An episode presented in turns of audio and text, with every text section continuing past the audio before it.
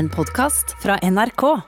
Vi er bare noen få dager inne i et splitter nytt år, og slapp helt av. Vi skal ikke snakke om nyttårsforsetter, trening og slanking og slutting på alt som er gøy og usunt. Jeg hadde lyst til å snakke om muligheter, Egon Hagen. Hva tenker du om det, at vi heller snakker om muligheter når vi har starta et nytt år? Ja, Det syns jeg faktisk er en ganske god idé. For meg så er julaften og jul mer fest og basar. Inn og ut av oppvaskmaskinen og pinnekjøtt og alt dette. Med alt den logistikken som skal gjøres.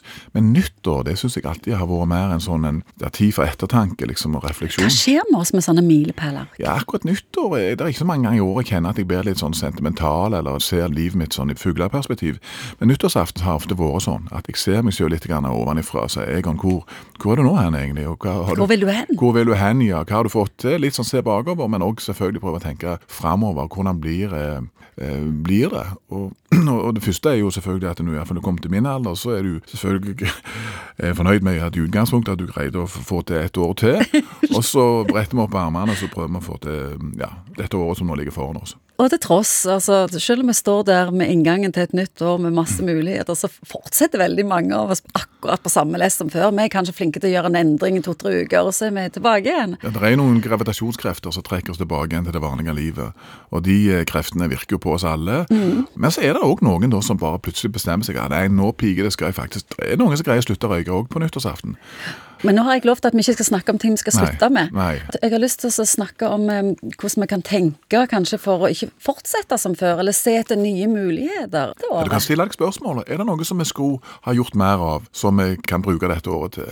Hva er det som gjør meg lykkelige, og de rundt meg lykkelige? Og så er svaret gå og gjør mer av det. Ja, det er ikke nødvendigvis. Kanskje, kanskje tenker du at det har vært nå faktisk.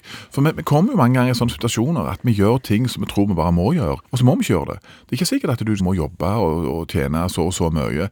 Det kan godt være at det nå ønsker jeg faktisk å jobbe mindre, eksempel. Eller jeg ønsker på en måte å bruke mer tid ute i naturen.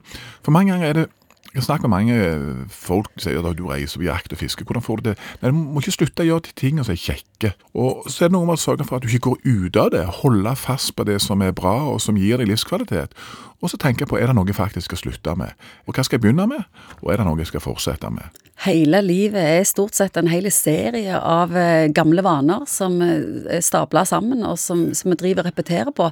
Det er jo enorme muligheter der til å så litt. Ja, Jeg tror vi befinner oss liksom i dette spenningspunktet mellom å ta vare på de tingene som vi syns gir oss stabilitet og livsglede. Det er viktig å ikke slutte med ting som er kule òg.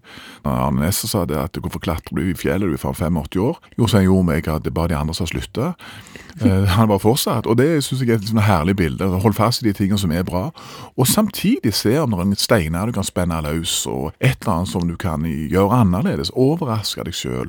Si at 'å, kan jeg gjøre det? Kan jeg virkelig Maksa livet enda mer. ja, litt sånn uten at vi skal bli sånn, ja, sånn Carpe Diem-aktige. Litt sånn Nei, det må vi ikke bli. Nei, vi er ikke der, men, men, men eh, kikk nå litt på, og litt i forhold til de, som du lever med, er det ting som du vil gjøre annerledes der? Er det noe du tenker at den andre kanskje kan sette pris på at du gjør mer av, så kan du gjøre det.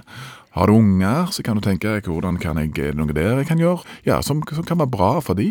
Gi seg selv anledningen til å se livet sitt litt ovenifra.